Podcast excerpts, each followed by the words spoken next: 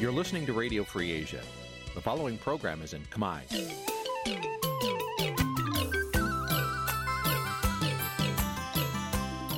Nǐ chi càm bi tiệp xáy vệt chiu a zì sê ray នេះជាកម្មវិធីផ្សាយរបស់ Vithu Azisari ជាភាសាខ្មែរ វត្តឈូអាស៊ីសេរីសូមស្វាគមន៍លោកអ្នកនាងទាំងអស់ពីរដ្ឋធានី Washington នៃសហរដ្ឋអាមេរិក ចាប់ពីរដ្ឋធានី Washington នាងខ្ញុំម៉ៅសុធានីសូមជម្រាបសួរលោកអ្នកស្ដាប់ទាំងអស់ជាទីមេត្រី ចាយើងខ្ញុំសូមជូនការផ្សាយសម្រាប់ព្រឹកថ្ងៃប្រហោះមួយកើតខែបោះឆ្នាំថោះបញ្ញស័កពុទ្ធសករាជ2567ហើយទៅត្រូវនឹងថ្ងៃទី11ខែមករាគ្រិស្តសករាជ2024ជាដំបូងនេះសូមអញ្ជើញលោកអ្នកនាងកញ្ញាស្ដាប់ព័ត៌មានប្រចាំថ្ងៃដែលមានមេត្តាដូចតទៅប រដ្ឋខ្មែរនៅប្រទេសថៃនិងបារាំងត្រៀមតវ៉ាទាមទារឲ្យលោកហ៊ុនម៉ាណែតគោរពសិទ្ធិមនុស្សបរដ្ឋស្នើដល់រដ្ឋាភិបាលឲ្យបង្កើតច្បាប់ត្រួតពិនិត្យផលិតផលគ្រឿងស្រវឹងជនជាតិដើមគួយពីភូមិនៅខេត្តព្រះវិហារនាំគ្នាទប់ស្កាត់ការឈូសឆាយផលដំណាំពួកគាត់ គ្រួសារបន្តស្នើរដ្ឋាភិបាលឲ្យអន្តរាគមន៍ដោះលែងលោកតូចថងនៅក្រៅឃុំខណៈសុខភាពគាត់កំពុងទ្រុឌទ្រោមខ្លាំងរួមនឹងព័ត៌មាន សំខាន់សំខាន់មួយចំនួនទៀតចាត់ជាបន្តទៅទៀតនេះនាងខ្ញុំម៉ៅសុធានីសូមជូនព័ត៌មានទាំងនោះពឺស្ដាប់ចាលោកនានីជាទីមេត្រីពលករនិងជនភៀសខ្លួនខ្មែរមួយចំនួននៅប្រទេសថៃ ត្រៀមប្រមូលផ្ដុំគ្នាធ្វើបាតកម្មប្រឆាំងលោកនាយករដ្ឋមន្ត្រីហ៊ុនម៉ាណែតដែលក្រុងធ្វើទស្សនកិច្ចនៅប្រទេសថៃនៅដើមខែកុម្ភៈខាងមុខពួកគាត់អះអាងថាគម្រោងបាតកម្មនេះគឺដើម្បីទាមទាររដ្ឋាភិបាលក្រុងភ្នំពេញគោរពសិទ្ធិមនុស្សនិងងាកមកដើរតាមកន្លងប្រជាធិបតេយ្យឡើងវិញចាប់ពីរដ្ឋធានី Washington លោកសេកបណ្ឌិតរាយការណ៍ព័ត៌មាននេះពលករនិងជនភៀសខ្លួនខ្មែរនៅប្រទេសថៃ លើកឡើងថាមូលហេតុដែលពួកគេត្រៀមធ្វើបាតកម្មប្រឆាំងវត្តមានរបស់លោកហ៊ុនម៉ាណែតនេះដោយសារមិនពេញចិត្តនឹងរដ្ឋាភិបាលបិទសិទ្ធិសេរីភាពនិងតែងតែធ្វើទុកបុកម្នេញមកលើអ្នកមានមតិផ្ទុយពីរដ្ឋាភិបាលមន្ត្រីគណៈបកភ្លើងទៀនដែលកំពុងភៀសខ្លួននៅក្នុងប្រទេសថៃលោកខឹមមនីកុសលប្រាប់ប្រជុអសីសេរីនៅថ្ងៃទី10មករាថាពួកលោកនឹងស្នើទៅអាជ្ញាធរថៃសូមធ្វើបាតកម្មទាមទារឲ្យលោកហ៊ុនម៉ាណែត បញ្ឈប់ការយាយីនិងធ្វើទុកបុកម្នេញមកលើអ្នកមានមតិផ្ទុយពីរដ្ឋាភិបាលហើយងាកមកដើរតាមកន្លងប្រជាធិបតេយ្យឡើងវិញលោកបញ្ជាក់ថាបាតកម្មនេះនឹងមានជនភៀសខ្លួននិងពលករខ្មែរប្រមាណ100នាក់ចូលរួមនៅទីក្រុងបាងកកនៅថ្ងៃដែលលោកហ៊ុនម៉ាណែតទៅដល់ប្រទេសថៃ គឺសូមឲ្យគាត់ស្រោចស្រង់សេដ្ឋកិច្ចរបស់ជាតិយើងឡើងវិញស្រោចស្រង់សិទ្ធិមនុស្សដែលជាគោលការណ៍ចម្បង ដែលនាំឲ្យមានទណ្ឌកម្មផ្សេងផ្សេងរបស់អន្តរជាតិគឺដោយសារតែការមិនគោរពសិទ្ធិមនុស្សនឹងឯងដូច្នេះហើយអ្វីដែលយើងធ្វើគឺធ្វើដើម្បីផលប្រយោជន៍ជាតិមិនមែនធ្វើដើម្បីក្រុមបកពួករបស់យើងទេអញ្ចឹងសូមឲ្យអន្តរជាតិទាំងអស់មើលឃើញអំពីការឈឺឆ្អាលរបស់ពួកយើងនៅទីនេះហើយក៏ចង់ប្រាប់ថាពួកយើងតាំងចិត្តត្រៀមខ្លួនក្នុងការតស៊ូស៊ូតទៅមុខទៀតដើម្បីសេរីភាពនិងលទ្ធិប្រជាធិបតេយ្យនៅក្នុងប្រទេសកម្ពុជារបស់យើងគម្រោងតវ៉ារបស់ជនភៀសខ្លួនខ្មែរនេះបន្ទាប់ពីពួកគេទទួលដំណឹងថាលោកហ៊ុនម៉ាណែតនឹងទៅទស្សនកិច្ចប្រទេសថៃនៅថ្ងៃទី7ខែកុម្ភៈខាងមុខវុទ្ធុអាស៊ីសេរីនៅពុំទាន់អាចតាក់ទងប្រធានអង្គភិបអ្នកណែនាំពីរដ្ឋាភិបាលលោកប៉ែនបូណាដើម្បីសាកសួរជុំវិញបញ្ហានេះបានទេ នៅថ្ងៃទី10មករា ប៉ុន្តែអ្នកនាំពាក្យគណៈបកប្រជាជនកម្ពុជាលោកសុកអេសាន ប្រាប់បទសុអសីសេរីថាជនភៀសខ្លួនទាំងនោះអាចធ្វើបាតកម្មបានក៏ប៉ុន្តែពួកគេត្រូវគោរពច្បាប់របស់ប្រទេសថៃបើពុំដូច្នោះទេ ពួកគេអាចនឹងប្រឈមមុខផ្លូវច្បាប់ ឲ្យគាត់ធ្វើទៅមានអីអ្នកគ្រប់គ្រងក៏ច្រើនអ្នកដែលទៀមទាប្រឆាំងហ្នឹងក៏តិចដែរវាមានអីធម្មតានៅក្នុងសង្គមប្រជាធិបតេយ្យអាហ្នឹងវាចឹងតែកុំធ្វើអីវាជ្រុលពីបទបញ្ញត្តិរបស់អាជ្ញាធរថៃអាហ្នឹងអត់បានទេវាព្រោះស្ថិតនៅក្នុងសមត្ថកិច្ចរបស់អាជ្ញាធរថៃមិនអាចធ្វើអ្វីតាមអំពើចិត្តគាត់បានទេ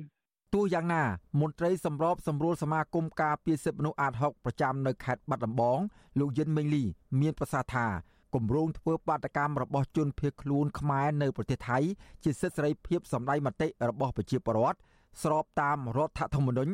និងកតិកាសញ្ញាសិទ្ធិមនុស្សអន្តរជាតិគឺមិនខុសច្បាប់ឡើយ។ រដ្ឋាភិបាលថៃគាត់នឹងមិនធ្វើអ្វីខុសពីច្បាប់អន្តរជាតិប្រទេសថៃក៏បានចុះហត្ថលេខាជាច្រើនទៅលើច្បាប់អន្តរជាតិដែលធានានៅសេរីភាពរបស់ប្រជាពលរដ្ឋអញ្ចឹងគិតថាប្រទេសប្រជាធិបតេយ្យគេតែងតែបញ្ជូនមន្ត្រី បញ្ជូនភ្នាក់ងាររបស់គេមកការពារអ្នកបញ្ចេញមតិមកការពារអ្នកតវ៉ាហ្នឹងហើយជួយរក្សាឬក៏ ធ្វើសម្ដាប់ធ្នាប់ឲ្យទៀតដើម្បីកុំឲ្យវាមានការកកស្ទះអានឹងវាបង្ហាញឲ្យគិតថានេះជាជាប្រទេសដែលអនុវត្តប្រជាធិបតេយ្យក្រៅពីជនភៀសខ្លួននិងពលករខ្មែរនៅប្រទេសថៃក៏មានពលរដ្ឋខ្មែរនិងមន្ត្រីគណៈបកប្រឆាំងនៅប្រទេសបារាំងក៏គ្រងសរសេរលិខិតស្នើទៅប្រធានាធិបតីបារាំងលោកអេម៉ានូអែលម៉ាក្រុងថាកុំឲ្យជឿទៅលើការលើកឡើងរបស់លោកហ៊ុនម៉ាណែត ដែលគ្រោងទៅធ្វើទស្សនកិច្ចប្រទេសបារាំងនៅថ្ងៃទី18និងទី19ខែមករាខាងមុខផងដែរកាលពីថ្ងៃទី17ធ្នូកន្លងទៅពលរដ្ឋខ្មែររស់នៅប្រទេសជប៉ុនជិត600នាក់បានធ្វើបាតកម្មប្រឆាំងវត្តមានលោកហ៊ុនម៉ាណែតនៅកណ្ដាលទីក្រុងតូក្យូពួកគាត់អះអាងថាលោកហ៊ុនម៉ាណែតជាមេដឹកនាំអសមត្ថភាពធ្វើឲ្យប្រជាធិបតេយ្យនៅប្រទេសកម្ពុជាដើរថយក្រោយ។ លោកហ៊ុនម៉ាណែតបានកាន់តំណែងជានាយករដ្ឋមន្ត្រីអស់រយៈពេលជិត4ខែមកហើយក៏ប៉ុន្តែអ្នកតាមដានស្ថានភាពសង្គមមើលឃើញថាការដឹកនាំរបស់លោកហ៊ុនម៉ាណែតកាន់តែផ្ដាច់ការជាកពុករបស់លោកទៅទៀតដោយបិទសិទ្ធិសេរីភាពនិងការចាប់ចងអ្នកដែលហ៊ានរិះគន់រដ្ឋាភិបាលដាក់ពន្ធនាគារជាបន្តបន្ទាប់ខ្ញុំបាទសេកបណ្ឌិតវិទ្យុអសីសេរីពីរដ្ឋធានីវ៉ាស៊ីនតោន ចាលោកនានីជាទីមេត្រីពីប្រទេសបារាំងឯនោះវិញគណៈបកសង្គ្រោះជាតិបានបដូរយុទ្ធសាស្ត្រមិនរៀបចំធ្វើបាតកម្មប្រឆាំងវត្តមានលោកនាយករដ្ឋមន្ត្រីហ៊ុនម៉ាណែតដែលក្រុងនឹងទៅបំពេញទស្សនកិច្ចផ្លូវការជាលើកដំបូងនៅថ្ងៃទី18និងថ្ងៃទី19ខែមករាខាងមុខនោះទេប្រធានសាខាគណៈបកសង្គ្រោះជាតិលោកទេពមនោរម ឲ្យដឹងកាលពីថ្ងៃទី10ខែមករាថាគណៈបកសង្គ្រោះជាតិបណ្ដាញអ្នកប្រជាធិបតេយ្យនិងអង្គការសង្គមស៊ីវិលបានធ្វើញត្តិចេញពីតំបន់ផ្សេងផ្សេងគ្នាជាច្រើនកន្លែង ដាក់ទៅខុទ្ទកាល័យប្រធានាធិបតីបារាំងដើម្បីអរដ្ឋាភិបាលបារាំងជំរុញទៅលោកហ៊ុនម៉ាណែតឲ្យគោរពកិច្ចព្រមព្រៀងសន្តិភាពទីក្រុងប៉ារីសនិងសិទ្ធិមនុស្ស ខាងសមាគមខាងសាខាប្រធានសាខានីមួយនីមួយនៅតាមខេត្តហ្នឹងគាត់ធ្វើតាមសាខារបស់គាត់ហើយលិខិតរួមជាគណៈបកគាត់ធ្វើហើយសមាគមក៏ធ្វើជាសមាគមអញ្ចឹងមានលិខិតច្រើនណាស់រៀងរៀងខ្លួនដែលខ្លឹមសារហ្នឹងគឺគ្រឹះអត្តន័យការទៀមទាននឹងឯងកតាការទៀមទា3ចំណុចធំធំហ្នឹងប៉ុន្តែរៀងរៀងខ្លួនអ្នកណាដែលមានគំនិតថាចង់ទៅសេយ៉ាងម៉េចគឺទៅសេរៀងរៀងខ្លួននៅពេលដែលឱកាសដែល លោកហ៊ុនលោកហ៊ុនម៉ាណែតបានមកជួបនឹងលោកប្រធានាធិបតីម៉ាក្រុងហើយលោកប្រធានាធិបតីម៉ាក្រុងនឹងគាត់នឹងមានឱកាសនៅក្នុងការទៅជែកហើយទាមទារស្នើសុំឲ្យលោកហ៊ុនម៉ាណែតនឹងគាត់ធ្វើយ៉ាងណាដើម្បីឲ្យលទ្ធិប្រជាធិបតេយ្យនៅក្នុងប្រទេសកម្ពុជានឹងរីកចម្រើនឡើងគោរពសិទ្ធិមនុស្សគោរពកិច្ចព្រមព្រៀងទីក្រុងប៉ារីនឹងឡើងនឹងឡើងបាទ ខ្លឹមសារញត្តិទាំងនេះមាន3ចំណុចសំខាន់សំខាន់ គឺស្នើឲ្យរដ្ឋាភិបាលគោរពកិច្ចព្រមព្រៀងសន្តិភាពទីក្រុងប៉ារីសទាមទារឲ្យដល់លែងអ្នកទោសមនសការនិងទាមទារឲ្យរដ្ឋាភិបាលរបស់លោកហ៊ុនម៉ាណែតបញ្ឈប់ការបណ្តេញបរដ្ឋចេញពីតំបន់អង្គរជាដើម លោកទេពមនោរមឲ្យដឹងទៀតថាទោះបីគណៈបកសង្គ្រោះជាតិមិនបានរៀបចំការធ្វើបដកម្មប្រឆាំងនឹងលោកហ៊ុនម៉ាណែតនោះក៏ប៉ុន្តែសមាគម23ដុល្លារដែលជាអ្នករៀបចំធ្វើបដកម្មប្រឆាំងវត្តមានលោកហ៊ុនម៉ាណែតនៅថ្ងៃទី18ខែមករាលោកអាអាងថាគណៈបកសង្គ្រោះជាតិគ្រប់គ្រងហើយនឹងចូលរួមការធ្វើបដកម្មនេះ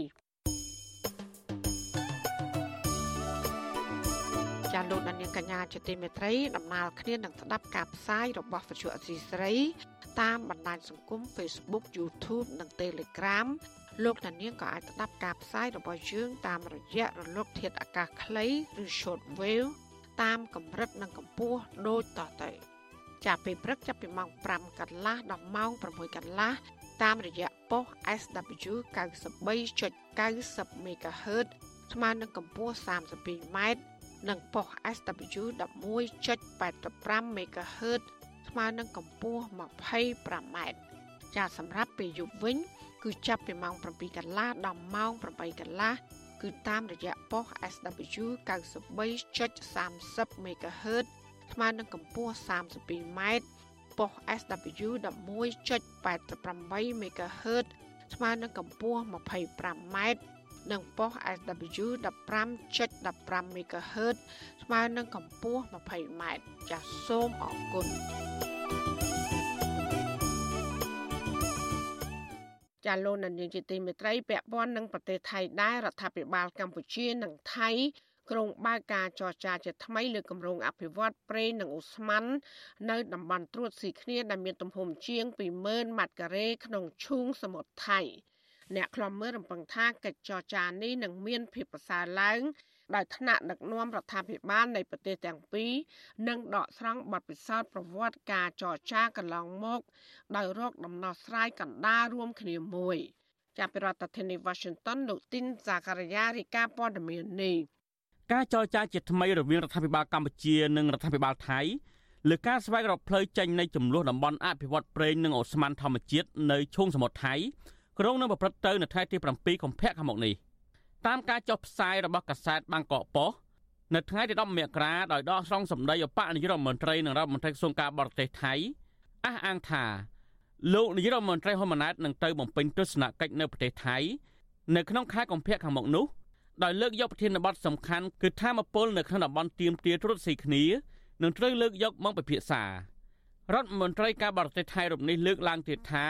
ភាគីថៃត្រូវរងចាំការបំភ្លឺបន្ទាប់ពីកិច្ចពិភាក្សារវាងលោកសេដ្ឋាថាវិសិន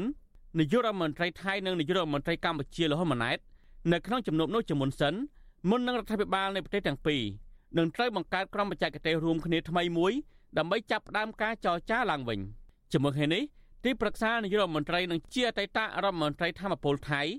លោកភីឆៃណារិបថាផាន់បានលើកឡើងដែរថា កិច្ចពិភាក្សានឹងផ្ដោតលើកិច្ចសហប្រតិបត្តិការនិងការអភិវឌ្ឍក្នុងតំបន់ធនធានធម្មពលត្រួតស៊ីគ្នាជាជាងការលើកឡើងពីចំនួនព្រំដែនសមុទ្រទីប្រឹក្សានាយករដ្ឋមន្ត្រីថៃរូបនេះបន្តថាកិច្ចពិភាក្សានេះគួរតែត្រូវបញ្ចប់ឲ្យបានលឿនតាមដែលអាចធ្វើទៅបានពលគឺឲ្យបានមុនពេលអាណត្តិរបស់រដ្ឋាភិបាលបច្ចុប្បន្នត្រូវបានបញ្ចប់ដោយលោកអះអាងថាភាគីកម្ពុជានឹងបញ្ចប់កិច្ចចរចានេះដើម្បីផលប្រយោជន៍គ្នាទៅវិញទៅមកនៃប្រទេសទាំងពីរ វិទ្យុអាស៊ីសេរីមិនអាចតាក់ទងអ្នកនាំពាក្យក្រសួងការបរទេសលោកអានសុខឿននិងអ្នកនាំពាក្យក្រសួងរាយនឹងធម្មពលដើម្បីសុំការបកស្រាយចំវិញនៅរឿងនេះបានទេនៅថ្ងៃទី10មករាទោះជាយ៉ាងណាអ្នកខ្លាំមើលរំពឹងថាកិច្ចចរចានេះនឹងមានភាពប្រសើរឡើងដោយថ្នាក់ដឹកនាំនៃរដ្ឋាភិបាលភាគីទាំងពីរនឹងដោះស្រង់បទពិសោធន៍ពីប្រវត្តិចរចាកន្លងមកដោយស្វែងរកដំណោះស្រាយរួមគ្នាដើម្បីបញ្ចប់ចំនួននិងជំរុញគម្រោងអភិវឌ្ឍព្រៃនិងអូស្មန်នៅតំបន់ចំនួននេះ ទទួលបានជោគជ័យអនុប្រធានគណៈបកភ្លើងទៀនលោកសុនឆៃប្រាប់វិទ្យុអសិរ័យនៅថ្ងៃទី10មករាថាការចរចាដោះស្រាយចំនួនគម្រោងអភិវឌ្ឍប្រៃនៅអូស្មန်នៅតំបន់ទៀមទាត្រួតស៊ីគ្នារវាងរដ្ឋាភិបាលថៃនិងកម្ពុជាគួរតែធ្វើឡើងដោយស្មើភាពនិងយុត្តិធម៌ដោយមិនត្រូវឲ្យភាគីណាមួយច្បាមយកផលប្រយោជន៍តែម្នាក់ឯងហើយផ្ដាល់ឲ្យភាគីមួយទៀតនៅតំបន់ដែលមិនអាចទាញយកប្រេងនិងអូស្មန်ធម្មជាតិនោះឡើយ។ យើងត្រូវតែផ្ដល់ការយកចិត្តទុកដាក់ទៅលើការចរចារបស់ភាគីខ្មែរខ្ញុំថាពេលនេះមិនមែនជាពេលយកចំណេញនយោបាយសម្រាប់គណៈបកនៅក្នុងប្រទេសកម្ពុជាទេគឺជាពេលដែលពលរដ្ឋខ្មែរបញ្ញវន្តខ្មែរនិយាយដែលយល់ដឹងពីលក្ខណៈសំខាន់ដែលជាផុសតាងសម្រាប់ការទាមទារយកផលការចរចាផ្ដល់ជាគំនិតផ្ដល់ជាឯកសារដើម្បីឲ្យភាគីខ្មែរធ្វើម៉េចចរចាជាមួយថៃនឹងប្រកបដោយជោគជ័យបាទ តំបន់ទៀមទាត់រត់ស៊ីគ្នា មានទំហំជាង20000គីឡូម៉ែត្រការ៉េដែលគេប៉ាន់ប្រមាណថាអាចស្តុកប្រេងនិងអូស្មန်រហូតដល់500លានបារ៉ែលនៅក្រោមបាតសមុទ្រនឹងត្រូវការពេលយ៉ាងហោចណាស់8ឆ្នាំក្នុងការទាញយកធនធានធម្មជាតិចេញពីឈុងសមុទ្រនេះប៉ុន្តែកិច្ចចរចាអភិវឌ្ឍប្រេងនិងអូស្មန်រវាងកម្ពុជានិងថៃនៅតំបន់នេះបានជាប់គាំងជាង20ឆ្នាំមកហើយដែលបានប្រែក្លាយជាចំណុចនៃចំនួនរវាងប្រទេសកម្ពុជានិងថៃ។ រដ្ឋាភិបាលនៃប្រទេសទាំងពីរបានចុះហត្ថលេខាលើអនុសារណៈយោងយល់កិច្ចចរចាអភិវឌ្ឍប្រេងនៅអូស្មန်តំបន់នោះតាំងពីខែមិថុនាឆ្នាំ2001ប៉ុន្តែត្រូវបានផ្អាកក្នុងពេលថៃផ្លាស់ប្តូរនាយករដ្ឋមន្ត្រី កាលពីឆ្នាំ2009ខណៈកិច្ចចរចាបានផ្អាកម្ដងទៀតកាលពីចុងឆ្នាំ2019ដោយសារតែវិបត្តិជំងឺ Covid-19 តើតើនឹងបញ្ហានេះអ្នកតាមដានភូមិសាស្ត្រតំបន់អាស៊ីអាគ្នេយ៍និងប៉ាស៊ីហ្វិកលោកសេងវ៉ាន់លីយល់ឃើញថា ការចរចាលើគម្រោងអភិវឌ្ឍប្រេងអូស្មန်នៅតំបន់ទៀមទាត្រួតស៊ីគ្នាក្នុងតំបន់ជាប់ព្រំដែនទឹករវាងកម្ពុជានិងថៃអាចមានសញ្ញាវិជ្ជមានពីព្រោះលោកសង្កេតឃើញថាគោលចំហរបស់នាយករដ្ឋមន្ត្រីថៃលោកសេដ្ឋាថាវ៉ាស៊ីនផ្ដោតអធិភាពលើកិច្ចសហប្រតិបត្តិការលើសេដ្ឋកិច្ចនិងការកសាងទំនាក់ទំនងជាមួយប្រទេសជិតខាងប៉ុន្តែលោកថាចំណុចដែលគួរឲ្យព្រួយបារម្ភនោះគឺភាពតានតឹងរវាងភាគីថៃដោយសារតែមានគណៈបកចំពោះទៅមុខដែលជាគណៈបកប្រឆាំង មានទូនាទីត្រួតពិនិត្យលើការសម្រេចរបស់រដ្ឋាភិបាលដែលធ្វើឲ្យរដ្ឋាភិបាលថៃត្រូវថ្លឹងថ្លែងលើគោលជំហរឬការសម្រេចចិត្តរបស់គណៈបកប្រឆាំង។ ខ្ញុំគិតថាបញ្ហានឹងខ្លាយជាបញ្ហានយោបាយនាពេលអនាគតប្រសិនបើរដ្ឋាភិបាលប្រទេសណាមួយគណៈបកណាមួយឡើងកាន់កាប់ហើយបញ្ឆេះបញ្ហានឹងជាបញ្ហានយោបាយវាអាចនឹងបង្កចំនួនប៉ះពាល់ដល់តំណែងធិបតីរវាងកម្ពុជាថៃដូចដែលកប់កើតមានកាលសម័យគណៈបកជាតៃរបស់ថៃប្រឆាំងទៅនឹងលោកនាយករដ្ឋមន្ត្រីថាក់ស៊ីនអ្នកតាមដានពីបញ្ហានយោបាយចង់ឃើញរដ្ឋាភិបាលកម្ពុជា និងរដ្ឋាភិបាលថៃ ចរចាបញ្ចប់ចំនួននេះដែលឈលលើផលប្រយោជន៍រួម ដើម្បីឲ្យប្រទេសទាំងពីរទាញយកធនធានធម្មជាតិនៅតំបន់ព្រៃនិងអូស្មန်រត់ស៊ីគ្នាអភិវឌ្ឍប្រទេសរៀងខ្លួនដោយស្មើភាពគ្នាខ្ញុំបាទទីនសាការីយ៉ាអស៊ីសេរីប្រធានាធិបតី Washington ចាលោកនាងជាទីមេត្រីពាក់ព័ន្ធមន្ត្រីបពប្រឆាំងកំពុងជាប់ឃុំក្នុងពន្ធនាគារវិញមេធាវីការពារក្តីស្ថាបនិកគណៈបកបេដងជាតិលោកសៀមភ្លុក និងមន្ត្រីគណៈបកភ្លើងទៀន3នាក់ទៀតសម្រាប់ប្តឹងសារទុកទៅតុលាការកំពូល ប្រឆាំងការសម្រេចឃុំខ្លួនពួកគាត់មន្ត្រីសង្គមស៊ីវិលចង់ឃើញតឡាការយកច្បាប់ ស្ដីពីគណៈបកនយោបាយមកដោះស្រាយបញ្ហានេះ ជាជាងការប្រើបទចោតប្រមទ័នចោតប្រកាន់លើពួកគាត់ចាអ្នកស្រីសុជីវីរាយការណ៍ព័ត៌មាននេះស្ថាបនិកគណៈបកបេះដូងជាតិលោកសៀមភ្លោក និងមន្ត្រីគណៈបកភ្លើងទៀន3រូបទៀតគឺលោកខឿនវិរៈអ្នកស្រីនូសុធារី និងលោកតូចថងមិនពេញចិត្តចំពោះការសម្ដែងរបស់សាលាឧទ្ធរភ្នំពេញដែលបន្តឃុំខ្លួនពួកគាត់នៅក្នុងសំណុំរឿងខ្លាញ់បន្លំស្នាមមេដៃដើម្បីបង្កើតគណៈបកបេះដូងជាតិឡើយមេធាវីការពារក្តីឲ្យលោកសៀមភ្លុកនិងជាមេធាវីរបស់មន្ត្រីគណៈបកភ្លើងទៀនគឺលោកមេធាវីជួងជូងីឲ្យវិទ្យុអាស៊ីសេរីដឹងនៅថ្ងៃទី10ខែមករាថា កូនក្តីរបស់លោកទាំង4នាក់នៅតែរក្សាជំហរថាមិនបានខ្លាញ់បន្លំស្នាមមេដៃឡើយលោកបន្តថាកូនក្តីរបស់លោកគឺលោកសៀមភ្លុកគឺជាមនុស្សចម្បងនៅក្នុងសំណុំរឿងនេះគ្មានចេតនាធ្វើឲ្យខូចខាតស្នាមមេដៃ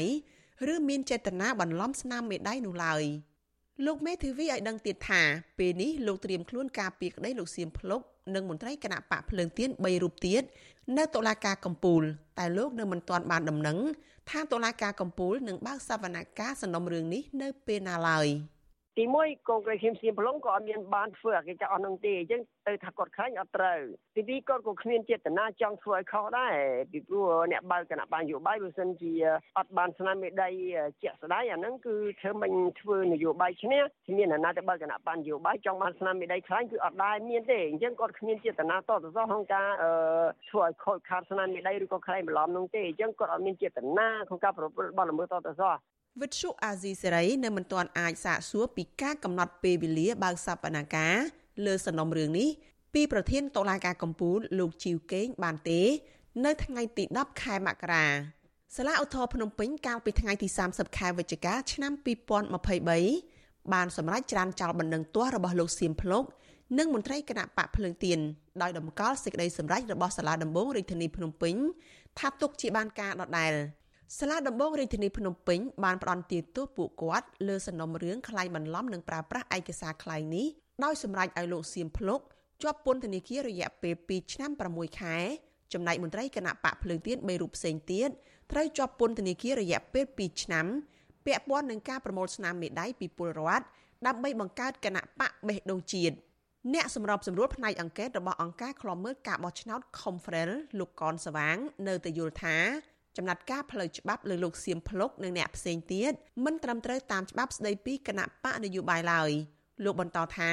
ការមិនអនុញ្ញាតចុះបញ្ជីឲ្យគណៈបកបេះដូងជាតិគឺគ្រប់គ្រាន់ហើយម្យ៉ាងវិញទៀតលោកសៀមភ្លុកក៏មិនមែនជាអ្នកធ្វើឲ្យខូចខាតស្នាមមេដៃនោះដែរ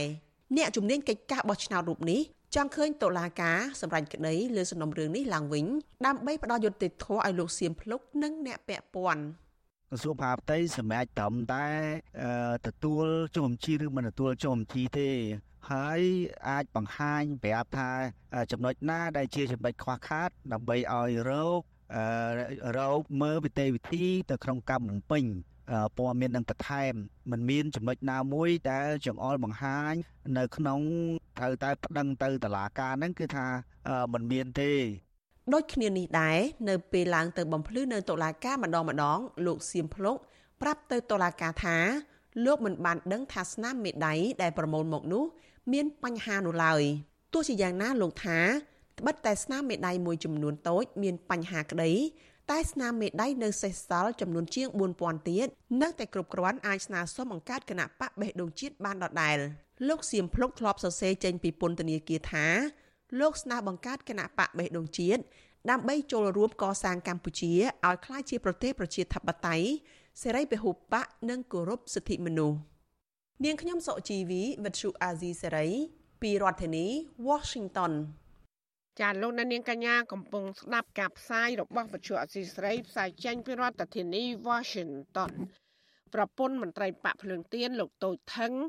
ដែលកំពុងជាប់ឃុំក្រោមហត្ថផលនយោបាយរៀបរាប់រឿងអយុត្តិធម៌ជាពិសេសគឺលោកស្រីព្រួយបារម្ភ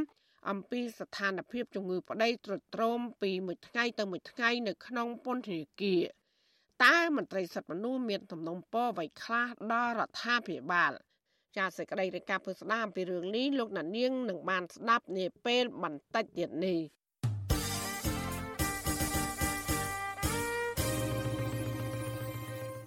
ចាលោកអ្នកស្ដាប់យុតិមេត្រីប្រជាប្រដ្ឋស្នើដល់រដ្ឋាភិបាលឲ្យបង្កើតច្បាប់ត្រួតពិនិត្យផលិតផលគ្រឿងស្រវឹងនៅកម្ពុជាពួកគាត់លើកឡើងថាការលក់ដូរនិងការផ្សព្វផ្សាយគ្រឿងស្រវឹងដោយសេរីនិងគ្មានការត្រួតពិនិត្យនេះគឺជាការលើកទឹកចិត្តអបរដ្ឋប្រើប្រាស់គ្រឿងស្រវឹងដោយមិនគិតពីផលប៉ះពាល់សុខភាពនិងសង្គម ការស្នើនេះធ្វើឡើងនៅបន្ទាប់ពីមានការរិះគន់ប្រងព្រាតពីមហាជនអំពីការផ្សព្វផ្សាយរបស់ក្រុមហ៊ុនស្រាបៀរដែលបានលើកទឹកចិត្តយុវជនឲ្យប្រើប្រាស់ផលិតផលគ្រឿងស្រវឹងចា៎នេះគឺជាសកម្មភាពរបស់លោកជីវតាជំវិញព័ត៌មាននេះប្រជាពលរដ្ឋមួយចំនួនបារម្ភថាសិលធម៌សង្គមកម្ពុជាអាចនឹងធ្លាក់ចុះកាន់តែខ្លាំងដោយសារតែអ្នកផឹកគ្រឿងស្រវឹងទាំងក្មេងទាំងចាស់ កំពុងកើនឡើងយ៉ាងផុសផុលស្ទើរគ្រប់ច្រក រហ័សនៅក្នុងប្រទេសហើយរដ្ឋាភិបាលមិនបានអើពើធ្វើច្បាប់ដើម្បីដាក់កម្រិតការផ្សព្វផ្សាយគ្រឿងស្រវឹងនោះឡើយអតីតមន្ត្រីជាន់ខ្ពស់នៃមន្ទីរសុខាភិបាលខេត្តបៃលិននិងជាមន្ត្រីគណៈបកភ្លើងទៀនលោកខឹមមនីកុសលប្រាប់វិទ្យុអាស៊ីសេរីនៅថ្ងៃទី10មករាថាទាល់តែមានការរិះគន់ខ្លាំងពីប្រជាពលរដ្ឋចំពោះការផ្សព្វផ្សាយគ្រឿងស្រវឹង ទើបបានស្ថាប័នរដ្ឋចេញសេចក្តីប្រកាសក្រានរំលឹកអំពីហានិភ័យនៃការប្រើប្រាស់គ្រឿងស្រវឹងលោកបន្ថែមថាអញ្ញាធររដ្ឋគួរដាក់ពិន័យចំពោះក្រុមហ៊ុនដែលបានឲ្យយុវជនប្រណាំងគ្នាផឹកស្រាបៀរលើកញ្ចក់ទូរទស្សន៍និងបង្កើតឲ្យមានច្បាប់គ្រប់គ្រងគ្រឿងស្រវឹង។ រដ្ឋាភិបាលមកដល់ពេលសប្តាហ៍នេះមិនទាន់មានវិធានការអ្វីឲ្យបានជាក់លាក់មុតមមទេដើម្បីឆ្លើយតបទៅនឹងការគ្រប់គ្រងគ្រឿងស្រវឹងដូចជាយើងត្រូវកំណត់ច្បាប់ទម្លាប់ឲ្យបានច្បាស់លាស់ថាយុវជនយើងអាយុប្រមាណចាប់ពីប្រមាណទៅដែលអាចឲ្យមានទទួលទានគ្រឿងស្រវឹងបានហើយអាយុក្រោមប្រមាណมันអាចទទួល ទានគ្រឿងស្រវឹងបានបើតាមខ្ញុំចាំអាចថាមានប៉ុន្តែការអនុវត្តច្បាប់ហ្នឹងគឺវាខ្ជិលខ្ជាហើយមួយទៀតវាមិនបានទូលំទូលាយវាមិនមានវិធានការឲ្យបានជាក់លាក់ការលើកឡើងនេះធ្វើឡើងបន្ទាប់ពីក្រសួងសុខាភិបាល កាលពីថ្ងៃទី10មករាបានចេញសេចក្តីប្រកាសព័ត៌មានស្តីពីផលប៉ះពាល់សុខភាពពីការប្រើប្រាស់ផលិតផលគ្រឿងស្រវឹងក្រសួងសុខាភិបាលឲ្យដឹងថាជាតិអាល់កុលដែលនៅក្នុងផលិតផលគ្រឿងស្រវឹងនោះ ប៉ះពាល់ដល់សុខភាពភ្លាមភ្លាមដូចជាចលនាអន់ថយ ការមើលឃើញធ្លាក់ចុះសន្លប់បាត់បង់ស្មារតីនិងប្រឈមជំងឺឆ្លងផ្សេងទៀតហើយបង្កផលប៉ះពាល់រយៈពេលវែងចំពោះសុខភាព ដូចជាជំងឺក្រិនថ្លើម ជំងឺមហារីកប្រព័ន្ធភាពស៊ាំចុះខ្សោយ ជំងឺបេះដូង ជំងឺសរសៃឈាម និងក្លាយជាអ្នកញៀនគ្រឿងស្រវឹងជាដើមក្រសួងសុខាភិបាលឲ្យដឹងទៀតថា គ្រឿងស្រវឹងអាចទាញយុវជនឲ្យប្រើប្រាស់គ្រឿងញៀននិងថ្នាំជក់ហើយបង្កឲ្យមានអំពើហិង្សា ការប្រព្រឹត្តបទឧក្រិដ្ឋការខាតបង់ពេលវេលាថវិកានិងគ្រោះថ្នាក់ចរាចរណ៍ជាដើមក្រសួងសុខាភិបាលស្នើដល់ស្ថាប័នផ្សេងទៀតឲ្យចូលរួមនិងទប់ស្កាត់ការប្រើប្រាស់ផលិតផលគ្រឿងស្រវឹងតាមរយៈការរៀបចំឯកសារច្បាប់ជំរុញឲ្យមានការផ្លាស់ប្តូរការរស់នៅរបស់ពលរដ្ឋឲ្យរស់នៅគ្មានផលិតផលគ្រឿងស្រវឹង និងអំពាវនាវដល់ពលរដ្ឋឲ្យជៀសវាងនិងកាត់បន្ថយការប្រើប្រាស់គ្រឿងស្រវឹងគេសង្កេតឃើញថានៅស្ទើរតែគ្រប់ដងផ្លូវក្នុងប្រទេសកម្ពុជា មិនថានៅក្នុងទីក្រុងឬនៅតាមទីជនបទនោះទេ គឺមានដាក់តាំងស្លាកផ្សព្វផ្សាយពីគ្រឿងស្រវឹងគ្រប់ទីកន្លែងក្រៅពីនោះក៏មានការផ្សព្វផ្សាយប្រងព្រាតនៅតាមកញ្ចក់ទូរទស្សន៍បណ្ដាញទំនាក់ទំនងសង្គមនិងការប្រគំតន្ត្រីជាដើម ជាងនេះទៅទៀត ក្រុមស្រាបៀរមួយចំនួនបានជួលតារាល្បីៗឲ្យជួយផ្សព្វផ្សាយនិងលើកទឹកចិត្តអតិថិជនឲ្យទិញស្រាបៀរតាមរយៈការឈ្នះរង្វាន់ឡានម៉ូតូនិងលុយជាដើមកាលពីថ្ងៃទី6មករាទូរទស្សន៍បាយ័នឬ BTV បានហៅយុវជនប្រុសស្រីចំនួន4នាក់ឡើងលើសង្វៀនប្រដាល់ហើយឲ្យពួកគាត់កោះក្រវល់កំប៉ុងស្រាបៀរកម្ពុជារបស់ក្រុមហ៊ុនជីបម៉ុងរួចផឹកបង្ហាញទស្សនិកជនតាមកញ្ចក់ទូរទស្សន៍ តាក់ទងនឹងរឿងនេះរដ្ឋមន្ត្រីក្រសួងព័ត៌មានលោកណេតភក្ត្រា កាលពីថ្ងៃទី8មករាបានចេញលិខិតស្ដីពីការផ្សព្វផ្សាយពាណិជ្ជកម្មផលិតផលគ្រឿងស្រវឹងថាដើម្បីទប់ស្កាត់ការផ្សព្វផ្សាយការលើកទឹកចិត្តការអូសទាញពលរដ្ឋឲ្យប្រើប្រាស់គ្រឿងស្រវឹងនោះម្ចាស់ក្រុមហ៊ុនសេវាកម្មផ្សាយពាណិជ្ជកម្មគ្រឿងស្រវឹងទាំងអស់ត្រូវអនុវត្តតាមស្មារតីស្ដីពីការផ្សព្វផ្សាយពាណិជ្ជកម្មគ្រឿងស្រវឹងរបស់ក្រសួងព័ត៌មាន ហាមផ្សាយពាណិជ្ជកម្មគ្រឿងស្រវឹងផ្ដល់រង្វាន់ហាមយកស្ត្រីនិងអតិថិជនក្រោម18ឆ្នាំមកផ្សព្វផ្សាយពាណិជ្ជកម្មនិងការផ្សព្វផ្សាយពាណិជ្ជកម្មគ្រឿងស្រវឹងទាំងអស់ត្រូវដាក់សារព្រមានថា ពិសាគ្រឿងស្រវឹងសូមកុំបើកបរពិសាគ្រឿងស្រវឹងសូមកុំបើកបរឬពិសាគ្រឿងស្រវឹងដោយការទទួលខុសត្រូវហើយពិសាគ្រឿងស្រវឹងប៉ះពាល់ដល់សុខភាពទោះជាយ៉ាងណាក៏ដោយចុះ ប្រធានសមាគមសម្ព័ន្ធនិស្សិតបញ្ញវន្តខ្មែរលោកកៅសរាយប្រាប់វិទ្យុអាស៊ីសេរីនៅថ្ងៃទី10មករាថាដើម្បីទប់ស្កាត់ការប្រើប្រាស់គ្រឿងស្រវឹងបានលុះត្រាតែក្រសួងពាក់ព័ន្ធមានសមត្ថកិច្ចទាំងអស់មានឆន្ទៈនិងមានការអនុវត្តពិតប្រាកដ មិនឃើញមានសម័យក្រសួងជំនាញណាហ៊ានចេញមុខអះអាងរៀបរៀងឲ្យធ្វើឲ្យមានប្រសិទ្ធភាពក្រៅតែពីគ្រាន់តែធ្វើឲ្យមហាជនស្ងប់ចិត្តហើយក៏ស្ងាត់ទៅវិញទៅនេះហើយជាជាអ្វីដែលយើងមើលឃើញកន្លងមកថាច្បាប់វាមានហើយតែតែមន្ត្រីគឺគ្មានឆន្ទៈនៅក្នុងការទប់ស្កាត់ខ្ញុំមិនចោទប្រកាន់ថាទទួលបានផលប្រយោជន៍យ៉ាងម៉េចទេប៉ុន្តែសង្ឃឹមថាក្នុងនោះនឹងមិនមានការទទួលបានផលប្រយោជន៍អំពីពួកក្រុមហ៊ុនទាំងអស់នោះទេចុះ ពលរដ្ឋបន្តស្នើដល់រដ្ឋាភិបាលឲ្យបង្កើតច្បាប់ស្តីពីការគ្រប់គ្រងផលិតផលគ្រឿងស្រវឹងសម្ដៅគ្រប់គ្រងការផលិត ការចែកចាយការផ្សព្វផ្សាយនិងការប្រើប្រាស់ផលិតផលគ្រឿងស្រវឹងដើម្បីធានាសុខុមាលភាពពលរដ្ឋនិងទប់ស្កាត់ការធ្លាក់ចុះសិលធម៌សង្គមដែលបណ្ដាលមកពីការសេពគ្រឿងស្រវឹងខ្ញុំជីវិតាអាស៊ីសេរី លោកនាងជាទីមេត្រីនៅអាខេត្តព្រះវិហារនៅវិញជនជាតិដើមភាគតិចគួយពីភូមិរស់នៅក្នុងខេត្តនេះបានដាក់វេនគ្រាយាមដីស្រែចម្ការនិងផលដំណាំរបស់ពួកគាត់ក្រោយពីបកគលមានលុយមានអំណាច បានប្រើគ្រឿងចាក់ឈូសឆាយដីស្រែចម្ការនិងផលដំណាំរបស់អ្នកភូមិជាបន្តបន្ទាប់ពួកគាត់បារម្ភថាអ្នកមានអំណាចបានត្រូវរើគ្នាជាមួយអាជ្ញាធរមូលដ្ឋាន ដើម្បីប៉ុនប៉ងរំលោភយកដីស្រែចម្ការអ្នកភូមិហើយគម្រាមប្តឹងពួកគាត់ទៅតុលាការទៀតផងចាសសូមស្ដាប់សេចក្តីរាយការណ៍របស់លោកមានរិទ្ធជំវិញព័ត៌មាននេះជនជាតិដើមភាគតិចគួយជិត100គ្រួសាររស់នៅក្នុងភូមិប្រាកអនិងភូមិបោះឃុំមលូព្រៃ2ស្រុកឆែប បារម្ភពីការខ្វះខាតដីបង្កបង្កើនផលចិញ្ចឹមជីវិតនៅរដូវវស្សាឆ្នាំនេះក្រោយពីដីដែលពួកគាត់កំពុងដាំដុះទំហំសរុបជាង800ហិកតាកំពុងប្រឈមទៅនឹងការគំរាមដកហូតនិងឈូសឆាយផលដំណាំពីសំណាក់បុគ្គលមានលុយមានអំណាចជនជាតិដើមភាគតិចគួយលោកសឿនថា ប្រាវិសុវស៊ីស្រីនៅថ្ងៃទី10ខែមករាថា បុគ្គលមានលុយមានអំណាចឈ្មោះឈៀងគង់នៅហៅម៉ៅនិងប៉ពួកគឺជាជនដៃដល់ឈូសឆាយផលដំណាំរបស់អ្នកភូមិអស់ជាច្រើនហិកតានិងបានគម្រាមប្តឹងពលរដ្ឋទៅតុលាការលោកថាពួកលោកមិនទាន់ដឹងថាបុគ្គលនេះធ្វើការនៅស្ថាប័នណានោះទេក៏ប៉ុន្តែលោកឈៀងគង់នៅ បានប្រាប់ក្រុមពលរដ្ឋថាគាត់បានសុំការអនុញ្ញាតពីអាជ្ញាធរឃុំនិងស្រុករួចហើយមុននឹងឈូសឆាយដីនៅតំបន់នោះជនជាតិដើមភាគតិចរបស់យើងគឺមានការទុកលំបាកខ្លាំងដោយសារពុំមានព្រៃ សម្រាប់បង្កប់និយាយរួមទៅអត់មានព្រៃសម្រាប់ពួកយើងទៅដកហួតផលអនុផលព្រៃឈើមកប្រើប្រាស់ដោយការពីមុនទេជាខ្លះក៏ជាប់បំណុលធនាគារមីក្រូរ៉ាញ់កាន់តែច្រើនគឺអត់ពុំមានដីបង្កប់មិនកើនផលគ្រប់គ្រាន់ចាប់តាំងពីចុងខែធ្នូឆ្នាំ2023រហូតមកទល់ពេលនេះជនជាតិដើមភាគតិចគួយជិត100នាក់បានលើកគ្នាខាត់គ្រឿងចាក់ចំនួន3ដង ដែលបុគ្គលឈ្មោះឈៀងគង់នៅហៅម៉ៅបានឈូសឆាយផលដំណាំរបស់ពួកគាត់ខ្ញុំគ្រាន់តែធ្វើស្រែចម្ការតែមានកំហុសមានទោសវាចាប់ទុកនោះយកទៅយ៉ាងធ្ងន់ធ្ងរខ្នាតទៅបីហាត់ខ្វល់មានសកម្មភាពមកតែយ៉ាងខ្ញុំចេញពីខាង អ្នកភូមិថាដីដែលក្រុមឈ្មួញបញ្ជូនគ្រឿងចាក់មឈូសឆាយស្ថិតនៅចំណុចការដ្ឋានទី10និងការដ្ឋានទី11ក្នុងភូមិប្រាកកទំហំសរុបជាង800ហិកតា ដែលពលរដ្ឋបានធ្វើកសិកម្មជាង2ឆ្នាំមកហើយក្រោយក្រុមហ៊ុនចិនហេងហ្វូផ្អាកដំណើរការជនជាតិដើមភាគតិចគួយម្នាក់ទៀតលោកខឿនជឿនប្រាវិឈវស៊ីស្រីថា កន្លងទៅដីនៅក្នុងតំបន់នោះសម្បូរទៅដោយព្រៃឈើនិងជាកន្លែងជនជាតិដើមភាគតិចអាស្រ័យផលព្រៃឈើបែបប្រពៃណីត្រូវបានក្រុមហ៊ុនចិនឈូសឆាយជាង10ឆ្នាំមកហើយរីឯពលរដ្ឋបាននាំគ្នាធ្វើកសិកម្មជាលក្ខណៈគ្រួសារជាង2ឆ្នាំ បន្ទាប់ពីក្រុមហ៊ុនចិនផ្អាកខ្សែច្រវាក់ផលិតកម្មលោកថាជនជាតិដើមភាគតិចគួយទទួលរងនូវភាពអយុត្តិធម៌ម្ដងហើយម្ដងទៀតដោយសារបាត់បង់ធនធានធម្មជាតិនិងដីធ្លី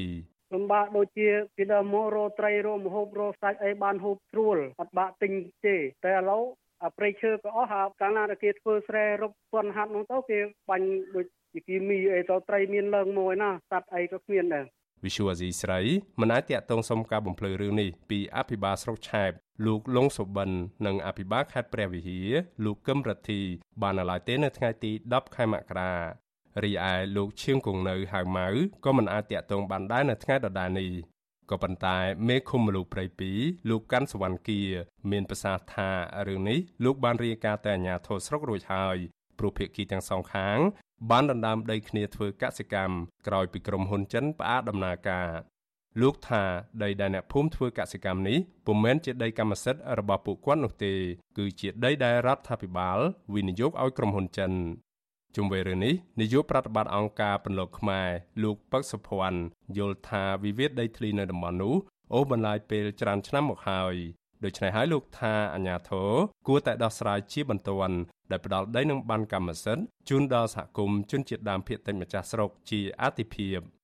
តាមរយៈការធ្វើប្លង់ឬក៏ចេញលិខិតទៅឲ្យសហគមន៍ដែលជាម្ចាស់ស្រុកនឹងជាអតិភិបរួចហើយសេសសល់ប្រមាណអីអានឹងចាំអាជ្ញាធរលោកមានសិទ្ធិគិតគូរអីរឿងនឹងតទៅទៀតពីព្រោះសហគមន៍គាត់ទៀមទាយូរឆ្នាំណាស់ហើយហើយគាត់បាត់បង់ទឹកបាត់បង់ដីបាត់បង់ព្រៃរបស់គាត់យូរដែរណាចឹងគួរតែដោះស្រាយដោយមានឯកសារច្បាស់លាស់អញ្ចឹងទៅអ្នកភូមិប្រាក្អកនិងភូមិបោះរំលឹកថាកន្លងទៅ ក្រុមហ៊ុនចិនហេងហ្វូ បានឈូសឆាយព្រៃឈើធំធេងនិងដីស្រែពុរ៉ាន់លូបប្រភពទឹកអូរធម្មជាតិដែលជាបណ្ដាញខ្សែទឹកធម្មជាតិសម្បូរទៅដោយត្រីប៉ះពាល់ដល់ប្រព័ន្ធសេដ្ឋកិច្ចរបស់ជនជាតិដើមភាគតិចគួយពួកគាត់ប្រមានថានឹងលើកគ្នាតវ៉ាទ្រង់ទ្រាយធំប្រសិនបើអាញាធរមិនដោះស្រាយរឿងនេះឲ្យដាច់ស្រេចនោះទេខ្ញុំបាទមេរិត Visual C ស្រីពីរដ្ឋធានី Washington ចាលោកដានីជាទីមេត្រី នៅឯខេត្តព្រះវិហារនេះដែរ ប្រជាពលរដ្ឋដែលកំពុងប្រកបរបរជាយករ៉ែមាសខ្នាតតូច រងការគៀបសង្កត់ពីសំណាក់អាជ្ញាធរនិងក្រុមហ៊ុនធ្វើអាជីវកម្មរ៉ែមាសខ្នាតធំ ដោយបានតាមដាននិងហាមឃាត់បរដ្ឋមិនឲ្យជីកយករ៉ែនៅក្នុងរណ្ដៅមិនលើសពីជម្រៅ5ម៉ែត្រការដែលក្រុមហ៊ុនកំណត់បែបនេះធ្វើឲ្យបរដ្ឋនៅតំបន់នោះមិនអាចរករ៉ែមាសបានច្រើន។ មន្ត្រីសង្គមស៊ីវិលយល់ឃើញថារដ្ឋាភិបាលត្រូវតែអនុវត្តច្បាប់ឲ្យបានស្មើភាពរវាងក្រុមហ៊ុននិងប្រជាពលរដ្ឋចានេះគឺជាសកម្មភាពរបស់លោកយ៉ងច័ន្ទតារាជំវិញព័ត៌មាននេះពលរដ្ឋប្រកបរបរជីយករ៉ែមាសខ្នាតតូចរស់នៅភូមិរំដេងឃុំរំទុំស្រុករវៀងខេត្តព្រះវិហារអះអាងថាអាញាធរនឹងក្រុមហ៊ុន Delcom Cambodia បានដាក់គំនាបទៅលើពលរដ្ឋឲ្យជីករណ្ដៅយករ៉ែមាសមិនឲ្យលើសពីជម្រៅ5ម៉ែត្រ ដោយសំអាងថាដីរ៉ែមាសទាំងអស់នោះគឺជារបស់ក្រុមហ៊ុន ដែលទទួលបានដីសម្បត្តិពីរដ្ឋាភិបាលសហគមន៍បន្ថែមថាក្រុមហ៊ុនធ្វើអាជីវកម្មរ៉ែមាសខ្នាតធំទាំងនោះគឺជាអ្នករំលោភបំពានដីធ្លីនិងគំរាមកំហែងទៅលើដីស្រែចម្ការជាង100ហិកតាដែលជាដីគេមរតកដូនតារបស់ពួកគាត់តំណាងសហគមន៍ភូមិរំដេងលោកតុយឆេងប្រាប់វិទ្យុអាស៊ីសេរីនៅថ្ងៃទី10ខែមករាថា បរដ្ឋភូមិរំដេងរងទុកម្ដងហើយម្ដងទៀតពីសំណាក់អាជ្ញាធរនិងក្រុមហ៊ុនធ្វើអាជីវកម្មរ៉ែមាសនៅតំបន់នោះដោយក្រុមហ៊ុនមួយនេះបានហាមបរដ្ឋមិនឲ្យជីករណ្ដៅយករ៉ែមាសលើសកំណត់និងបង្ហោះដ្រូនតាមដានបរដ្ឋក្នុងមួយថ្ងៃ3ដងចំណែកដីស្រែចម្ការរបស់ពួកគាត់ដែលធ្លាប់អាស្រ័យផលវិញលោកថាត្រូវបានទាហានដែលការពារក្រុមហ៊ុនហាមឃាត់មិនឲ្យចូលទៅក្នុងតំបន់នោះឡើយលោកតុយឆេងបានថែមថារហូតមកដល់ពេលនេះអាជ្ញាធរនិងក្រុមហ៊ុន មិនទាន់ដោះស្រាយឬសងសំណងសមរម្យដល់ប្រជាពលរដ្ឋនៅឡើយទេលើសពីនេះទៅទៀតក្រុមហ៊ុន Delcom Cambodia ក៏ទទួលបានដីសម្បត្តិថ្មីបន្ថែមទៀតនៅលើផ្ទៃដីជិត2000ហិកតាហើយដែលបានបង្កផលប៉ះពាល់នឹងការលំបាកដល់ពលរដ្ឋធ្វើអាជីវកម្មខ្នាតតូចកាន់តែខ្លាំងដែលធ្វើឲ្យពួកគាត់បាត់បង់ដីស្រែចម្ការ និងបាត់បង់ជំនឿរបស់ជនជាដើមភាគតិចគួយប្រជាប្រជាជនរស់នៅសពថ្ងៃគឺ វាដូចនៅក្រោមគំនាបស្នើហើយវានៅក្រោមការគំនាបអាជ្ញាធរមួយមួយទៀតគឺនៅក្រោមគំនាបក្រុមហ៊ុនខ្លាំងជាងគេគឺក្រុមហ៊ុនវិទ្យុរែងអាជ្ញាធរនឹងឯងគេឲ្យរែងដៃមករែងក្រុមហ៊ុនហើយដូច្នេះក្រុមហ៊ុនគេត្រូវប្រើកម្លាំងដ្រូនហោះរាល់ថ្ងៃវិទ្យុអាស៊ីសេរីមិនទាន់អាចតាក់ទងអភិបាលខេត្តព្រះវិហារលោកគឹមរិទ្ធី និងអភិបាលស្រុករវៀងលោកហៅប៊ុនហួរដើម្បីសុំការឆ្លើយតបអំពីរឿងនេះបាននៅឡើយទេ នៅថ្ងៃទី10ខែមករា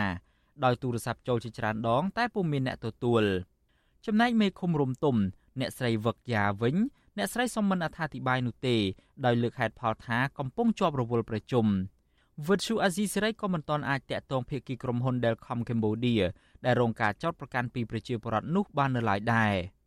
តែកតិនទៅនឹងបញ្ហានេះនាយកប្រតិបត្តិអង្គការពន្លកខ្មែរលោកប៉ាក់សុភ័ណ្ឌសង្កេតឃើញថារាល់ក្រុមហ៊ុនធ្វើអាជីវកម្មរ៉ែមាស តែងតែប៉ះពាល់ដីស្រែចម្ការបរិស្ថាន រំលោភសិទ្ធិមនុស្សនិងគំរាមកំហែងពលរដ្ឋម្ចាស់ដីចំណែកក្រុមហ៊ុនដែលបានរំលោភបំពានបែរជារួចផុតពីសំណាញ់ច្បាប់ទៅវិញលោកបន្ថែមថាអាញាធរគួរតាមដានទៅលើក្រុមហ៊ុនទាំងនោះនិងរកដំណោះស្រាយឲ្យពលរដ្ឋបានសមរម្យនិងត្រូវអនុវត្តច្បាប់ឲ្យស្មើភាពគ្នាមិនត្រូវដាក់បន្ទុកតែទៅលើពលរដ្ឋតូចតាចនោះទេ សូមឲ្យអាជ្ញាធរក៏ដូចជារដ្ឋាភិបាលលោកយកគោលការណ៍អភិបាលកិច្ចអឺជាគោលជាគ្រឹះដើម្បីឲ្យរាល់ការងារអភិវឌ្ឍទាំងវិស័យឯកជនទាំងរដ្ឋនឹងគឺដំណើរការទៅបានរលូនដោយមិនធ្វើឲ្យមានការឈឺចាប់ទៅដល់ប្រជាពលរដ្ឋខ្លួនឯងបាទកាលពីថ្ងៃទី26ខែធ្នូឆ្នាំ2023អង្គការសមត្ថៈកម្ពុជា បានចេញរបាយការណ៍មួយរកឃើញថា ក្រុមហ៊ុន Delcom Cambodia កំពុងរំលោភយកដីធ្លីព្រៃជំនឿបង្ខំឲ្យពលរដ្ឋលក់ដីស្រែចម្ការនិងធ្វើឲ្យប៉ះពាល់បរិស្ថាននៅជុំវិញតំបន់ដែលពួកគេកំពុងរស់នៅសពថ្ងៃអង្គការដដាលនេះបានបន្ថែមទៀតថាមានក្រុមហ៊ុនចំនួន4ធំធំ ដែលកំពុងធ្វើអាជីវកម្មរ៉ែមាសប៉ះពាល់ដល់ពលរដ្ឋនិងបរិស្ថាន នៅក្នុងខេត្តចំនួន4ក្នុងនោះរួមមានក្រុមហ៊ុនស៊ីងយ័នកាងៀក Co Ltd ស្ថិតនៅក្នុងខេត្តក្រចេះ ក្រុមហ៊ុនរងឆេង Industrial Investment នៅខេត្តមណ្ឌលគិរីក្រុមហ៊ុន Delcom Cambodia នៅខេត្តព្រះវិហារក្រុមហ៊ុន Sinshan Industrial Cambodia ស្ថិតនៅក្នុងខេត្តព្រះវិហារនិងក្រុមហ៊ុន Onco Gold Corp Mesco Gold ស្ថិតនៅក្នុងខេត្តរតនគិរីខ្ញុំយ៉ងច័ន្ទដារាវិទ្យុអាស៊ីសេរី Washington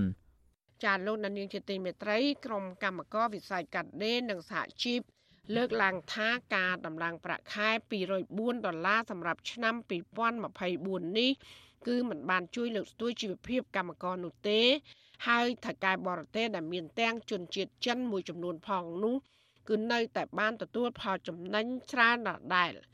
ចាសសេចក្តីរាយការណ៍ពិស្ដារអំពីរឿងនេះលោកណានៀងក៏នឹងបានស្ដាប់នាពេលបន្តិចទៀតនេះ ចាលោកណានៀងជាទីមេត្រីកម្រងអភិវឌ្ឍជលផលក្រោយប្រមូលផល ដែលគ្រប់គ្រងថវិកាដោយសហភាពអឺរ៉ុបបានចងក្រងនិងផ្សព្វផ្សាយជាសាធារណៈនៅសិភៅមគ្គទេសណែនាំពីវិធីហាសម្ងួតត្រី និងបង្គាដោយប្រើប្រាស់បច្ចេកវិទ្យាធម្មពលព្រះអាទិត្យសិភៅមគ្គទេសនេះផ្ដល់លទ្ធភាពដល់សហគ្រាសកែច្នៃជលផល ក្នុងការហាលសម្ងួតត្រីនៅបង្គាបានកាន់តែប្រសើរនៅគ្រប់លក្ខខណ្ឌអាកាសធាតុនិងបរិស្ថានស្អាតល្អគម្រោងនេះកំពុងផ្ដល់ការគ្រប់គ្រងដល់សហគ្រាសកែច្នៃជលផលចំនួន10ក្នុងខេត្តក្រុងចំនួន6ជាមួយទូសម្ងួត ដោយប្រើពន្លឺព្រះអាទិត្យដើម្បីប្រើប្រាស់ក្នុងគោលដៅបង្កើនភាពប្រកួតប្រជែងជាមួយផលិតផលនាំចូលតាមរយៈការបង្កើនផលិតភាព ដើម្បីជួយឲ្យផលិតផលត្រីងៀតនិងបង្គាក្រៀមមានគុណភាពអនាម័យនិងសុវត្ថិភាពល្អ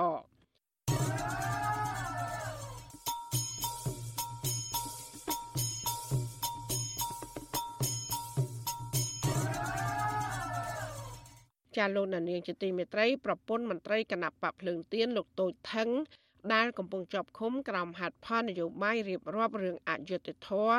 ជាពិសេសគឺលោកស្រីព្រួយបារម្ភអំពីស្ថានភាពជំងឺប្តីទ្រុឌទ្រោមពីមួយថ្ងៃទៅមួយថ្ងៃនៅក្នុងពន្ធនាគារមន្ត្រីសិទ្ធិមនុស្សទទូចដល់រដ្ឋាភិបាលឲ្យដោះស្រាយចំនួននយោបាយនេះដើម្បីផ្ដល់សេរីភាពឲ្យពួកគាត់បានរស់នៅជួបជុំក្រុមគ្រួសារឡើងវិញចាលោកច័ន្ទរោរីកាពុស្ដាជំវិញព័ត៌មាននេះដូចតទៅ គ្រួសារមន្ត្រីគណៈបកភ្លឹងទៀនម្នាក់ ដែលកំពុងជាប់ពន្ធនាគាររៀបរាប់ពីស្ថានភាពជំងឺប្តីលាយឡំការឈឺចាប់និងការរស់នៅរងទុក្ខវេទនាពួកគេអំពាវនាវដល់រដ្ឋាភិបាលបញ្ឈប់យកសមាជិកគ្រួសាររបស់ពួកគាត់ធ្វើជាចំណាត់ខ្មាំងហើយងាកមកបញ្ចប់ចំនួននយោបាយឡើងវិញប្រពន្ធរបស់មន្ត្រីគណៈបកភ្លឹងទៀនលោកតូចថងគឺអ្នកស្រីហាញ់សវណ្ណា រៀបរាប់ថាទោះបីជីវភាពខ្វះខាតយ៉ាងណាក្តីលោកស្រីតែងតែធ្វើដំណើរឡើងចុះពីភ្នំពេញ ទៅពន្ធនាគារឆ្ងាយដាច់ស្រយាលក្នុងខេត្តពោធិ៍សាត់ដើម្បីសួរសុខទុក្ខនិងលើកទឹកចិត្តប្តីយ៉ាងហោចឲ្យបានពីសប្តាហ៍ម្ដងប៉ុន្តែលោកស្រីឲ្យដឹងថា រយៈពេលចុងក្រោយនេះស្ថានភាពសុខភាពប្តីរបស់អ្នកស្រី បានចុះខ្សោយខ្លាំងដោយសារតែជំងឺភ្នែក ជំងឺលើឈាម និងជំងឺបេះដូងធ្វើទុកជាប្រចាំដែលត្រូវការពិនិត្យព្យាបាលពីគ្រូពេទ្យលោកស្រី បារម្ភខ្លាចប្តីទ្រាំនឹងការឈឺចាប់លែងបាន អាចធ្វើឲ្យប៉ះពាល់ដល់សុខភាពធ្ងន់ធ្ងរខណៈតឡាការនៅតែបន្តឃុំខ្លួនគាត់ជិត1ឆ្នាំទាំងគ្មានកំហុសខ្ញុំថាបើតែខាងតឡាការដោះលែងគាត់ហ្នឹងវាអាចធូររឿងយោបាយបើថាគាត់អត់ព្រមដោះលែង នឹកទោសយោបាយអាហ្នឹងដូចថានៅគៀបទាំងគាត់នៅតែទៀនទៀគាត់នៅក្រៅខំក៏គាត់ចាស់ហើយមិនមែនគាត់នៅក្មេងទេហើយគាត់ព្រួយបារម្ភផ្នែកគាត់ហើយគាត់ល្ងាហើយជូនគាត់ទៅនៅជើងភ្នំចឹងខ្ញុំសុំឲ្យគាត់នៅក្រៅឃុំហ្មងខ្ញុំអត់សុំថាឲ្យគាត់នៅព្រៃសរទេអញ្ញាធរក្រុងភ្នំពេញបានចាប់ខ្លួនលោកតូចថងរួមជាមួយមន្ត្រីគណៈបកភ្លើងទៀនពីររូបផ្សេងទៀតគឺលោកខឿនវិរៈ និងអ្នកស្រីនូសុធារី កាលពីខែមិនិនាឆ្នាំ2023ក្រោយតុលាការក្រុងភ្នំពេញ កាត់ទោសឲ្យពួកគេជាប់ពន្ធនាគារ2ឆ្នាំ ពីបទក្លែងបន្លំឯកសារក្នុងការបង្កើតគណៈបកបេះដូងជាតិកាលពីឆ្នាំ2021ការចាប់ខ្លួននេះគឺ6ម៉ោងមុនពេលតុលាការក្រុងភ្នំពេញ កាត់ទោសឲ្យលោកសៀងភ្លុកជាប់ពន្ធនាគារ2ឆ្នាំ6ខែក្នុងបទចោទដូចគ្នា មិនតែប៉ុណ្ណោះមន្ត្រីនៃអគ្គនាយកដ្ឋានពន្ធនាគារកាលពីខែវិច្ឆិកាឆ្នាំ2023បានវីខ្នោះលោកតូចថងរុញបញ្ចូលក្នុងឡាន ដឹកទៅមណ្ឌលអប់រំកែប្រែមើ4ក្នុងស្រុកភ្នំក្រវាញខេត្តពោធិ៍សាត់បន្ទាប់ពីប្រធានក្រុមប្រឹក្សាជំនុំជម្រះនៃតុលាការកំពូល បានបដិសេធលើបណ្ដឹងសុំនៅក្រៅឃុំបណ្ដោះអាសន្ន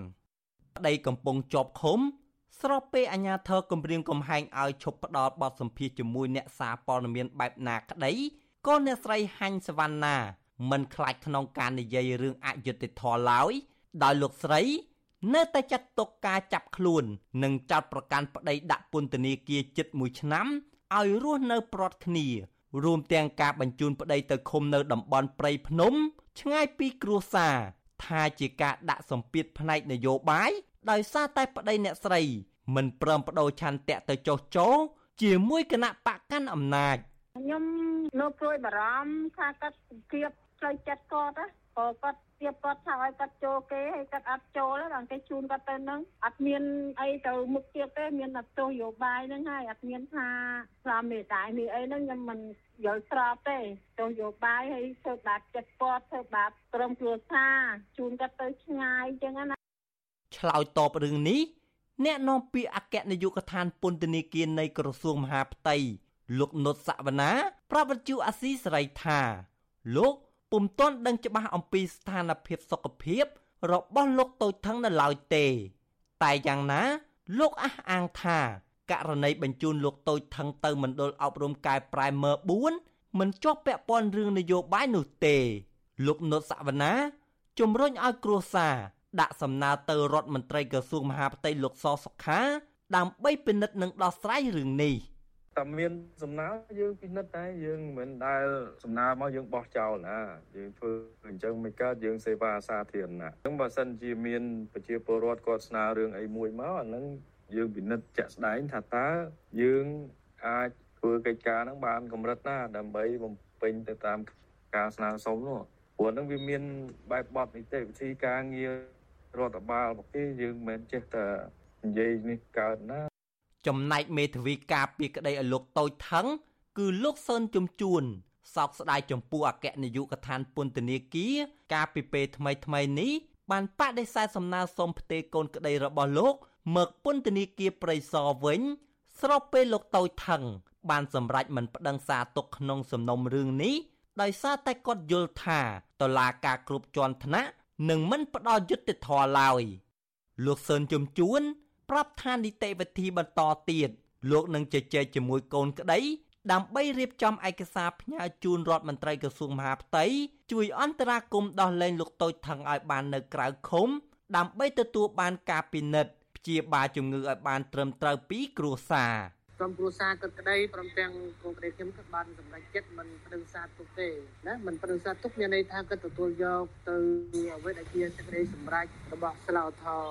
ភ្នំពេញណាដូច្នេះនីតិវិធីនៃការប្រឹងសារទូតនោះវាបានផ្ដោះសិតបាត់ទៅហើយប៉ុន្តែយើងអាចនឹងធ្វើចេះដោយយើងអាចនឹងស្នើទៅក្រសួងមកពេលដើម្បីអន្តរាគមន៍ឲ្យគាត់បានបន្ធូរបន្ថយឬក៏មើលទៅលើស្ថានភាពចាក់ស្ដែងនៃសុខភាពរបស់គាត់ណាយើងអាចធ្វើអន្តរាគមន៍បែបនេះបាន ជុំវិញរឿងនេះប្រធានសមាគមការពារសិទ្ធិមនុស្សអាត6លោកនីសុខាមើលឃើញថាសំណុំរឿងរបស់លោកតូចថងដោយទៅនឹងករណីសកម្មជនគណៈបកប្រឆាំងជាប់ឃុំដតីទៀតដែរគឺកើតចេញពីចំនួននយោបាយរវាងមេដឹកនាំគណៈបកកាន់អំណាច និងគណៈបកប្រឆាំងកន្លងទៅ លោកបន្តថា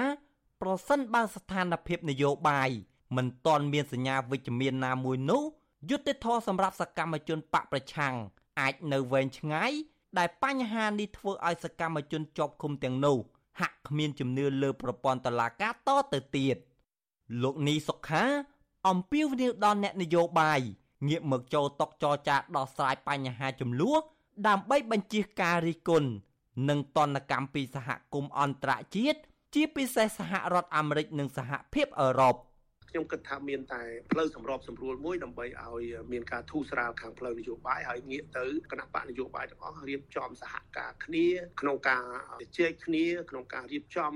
ឈានទៅឆ្ពោះទៅរកដំណើរការដណ្ដើមអំណាចគ្នាតាមរយៈការបោះឆ្នោតមួយដែលសេរីត្រឹមត្រូវយុត្តិធម៌ទេដែលអាចធ្វើឲ្យស្ថានភាពប្រទេសកម្ពុជាអាចធូរស្រាលរឿងដែលដល់ដំណាក់កាលនេះហើយគឺមានតែការសម្រុះសម្រួលខាងផ្លូវនយោបាយទេដែលអាចធ្វើឲ្យអ្នកនយោបាយជាប់ឃុំទាំងអស់អាចមានសេរីភាពឡើងវិញបាទលោកតូចថងអាយុ75ឆ្នាំ មានដើមកំណត់ខ្មែរក្រោមលោកជាអតីតសមាជិកក្រុមការងារគណៈបកសង្គ្រោះជាតិប្រចាំខេត្តកំពង់ចាម ហើយលោកក៏ជាប្រធានគណៈកម្មាធិការប្រតិបត្តិគណៈបកភ្លើងទៀនប្រចាំខេត្តកំពង់ចាម រហូតដល់អាជ្ញាធរចាប់ខ្លួនដាក់ពន្ធនាគារមកដល់បច្ចុប្បន្ននេះអ្នកជំនាញសិទ្ធិមនុស្ស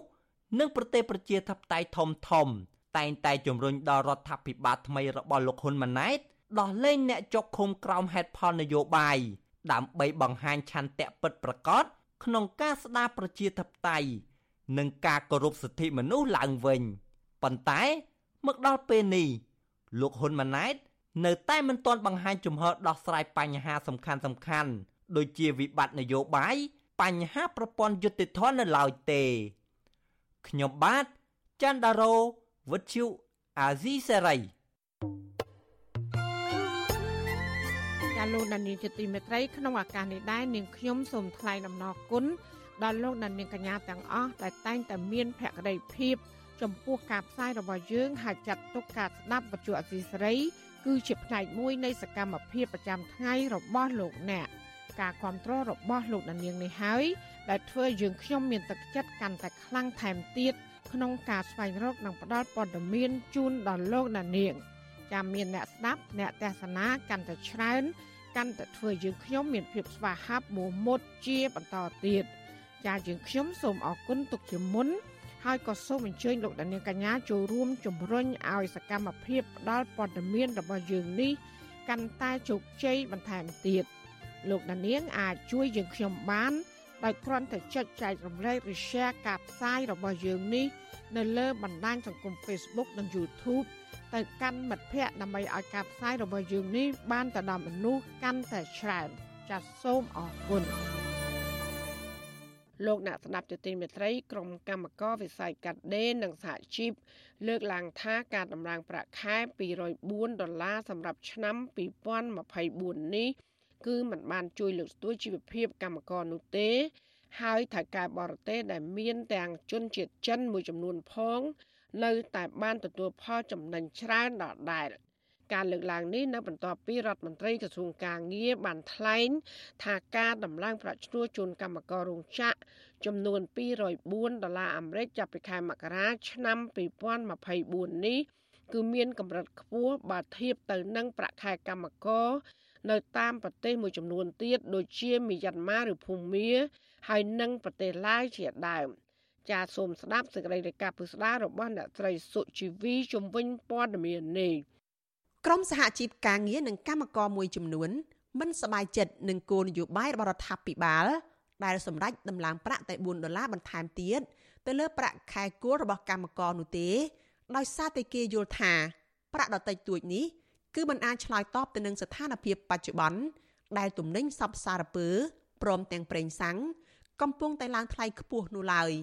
កម្មករនៅរោងចក្រកាត់ដេរសម្លៀកបំពាក់ WND Cambodia នៅក្នុងសង្កាត់ស្ទឹងមានជ័យរាជធានីភ្នំពេញលោកសឿងប្រុសមានប្រសាសន៍ថារដ្ឋាភិបាល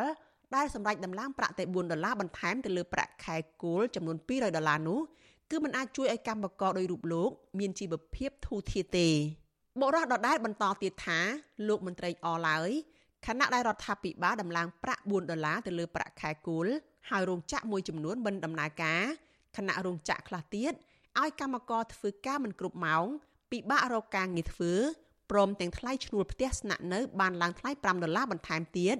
និងទំនិញស្ទើរគ្រប់មុខនៅលើទីផ្សារព្រមទាំងអង្គរផងក៏ឡើងថ្លៃខ្ពស់ដែរនោះ។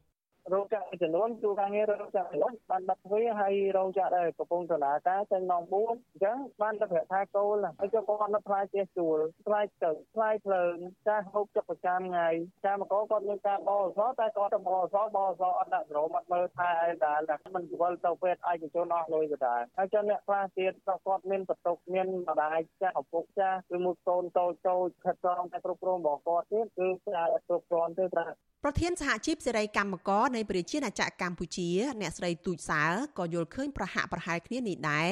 ថាការបន្ថែមប្រាក់ចំនួន4ដុល្លារទៅលើប្រាក់ខែគោលសរុបបាន204ដុល្លារនេះមិនបានជួយឲ្យកម្មករមានជីវភាពធូរធារទេគឺស្ថានភាពរបស់កម្មករភៀកច្រើននៅតែរស់ទាំងត្រដរអ្នកស្រីទូចសើមានប្រសាសន៍ទៀតថាថ្មីបារដ្ឋាភិបាលសម្រាប់ដំឡើងប្រាក់ឈ្នួលអបបរមាសម្រាប់កម្មករនៅទូទាំងប្រទេសក្តី ក៏ប៉ុន្តែរោងចក្រមួយចំនួននៅមិនទាន់អនុវត្តតាមគោលការណ៍បើកប្រាក់ខែឲ្យកម្មករទេគឺនៅតែទូទាត់ប្រាក់ទៅឲ្យកម្មករតាមចំនួនបងហើយប្រាក់ទូទាត់របៀបនេះមានកម្រិតទៅជាងប្រាក់ខែដែលរដ្ឋបានកំណត់ទៅទៀត។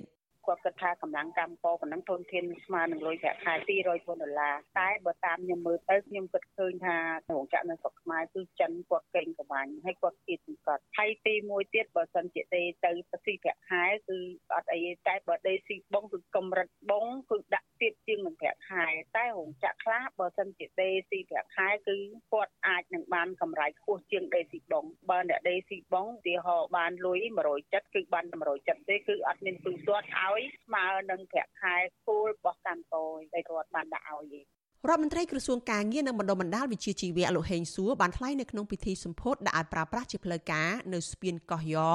ក្នុងភូមិនាងកុកឃុំបាក់ខ្លងស្រុកមណ្ឌលសីមាខេត្តកោះកុងដែលមានកម្មករចំនួនប្រមាណ11000នាក់បានចូលរួមកាលពីថ្ងៃទី8ខែមករាថា ការបន្ថែមប្រាក់ឈ្នួល4ដុល្លារបន្ថែមទៀតនេះប្រសិនបើបូកបន្ថែមជាមួយនឹងប្រាក់អត្ថប្រយោជន៍ជាប់កាតព្វកិច្ចផ្សេងផ្សេងទៀតគឺកម្មករអាចនឹងទទួលបានប្រាក់ឈ្នួលជាមធ្យមពី220ទៅ230ដុល្លារនៅក្នុងមួយខែដោយមិនទាន់គិតបញ្ចូលប្រាក់បន្ថែមម៉ោងនិងប្រាក់បេឡាជាតិរបបសន្តិសុខសង្គមនៅឡើយលោកហេងសួរបញ្ជាក់ថាការដែលរដ្ឋាភិបាលដំឡើងប្រាក់ឈ្នួលអបបរមារបស់កម្មករចំនួន204ដុល្លារនេះ គឺមានកម្រិតខ្ពស់បើប្រៀបធៀបទៅនឹងប្រាក់ខែកម្មករនៅតាមបណ្ដាប្រទេសមួយចំនួនទៀតនោះ។ប្រសិនជាធៀបប្រាក់ឈ្នួលអបបរមាកម្ពុជាជាមួយនឹងប្រាក់ឈ្នួលនៅបណ្ដាប្រទេសមួយចំនួនគឺប្រាក់ឈ្នួលអបបរមានៅកម្ពុជាគឺខ្ពស់ជាងបណ្ដាប្រទេសទាំងនោះដូចជាប្រទេសស្រីលង្កាមានប្រាក់ឈ្នួលអបបរមាត្រឹមតែ40ដុល្លារក្នុងមួយខែប្រទេសមីយ៉ាន់ម៉ា83ដុល្លារក្នុងមួយខែឡាវ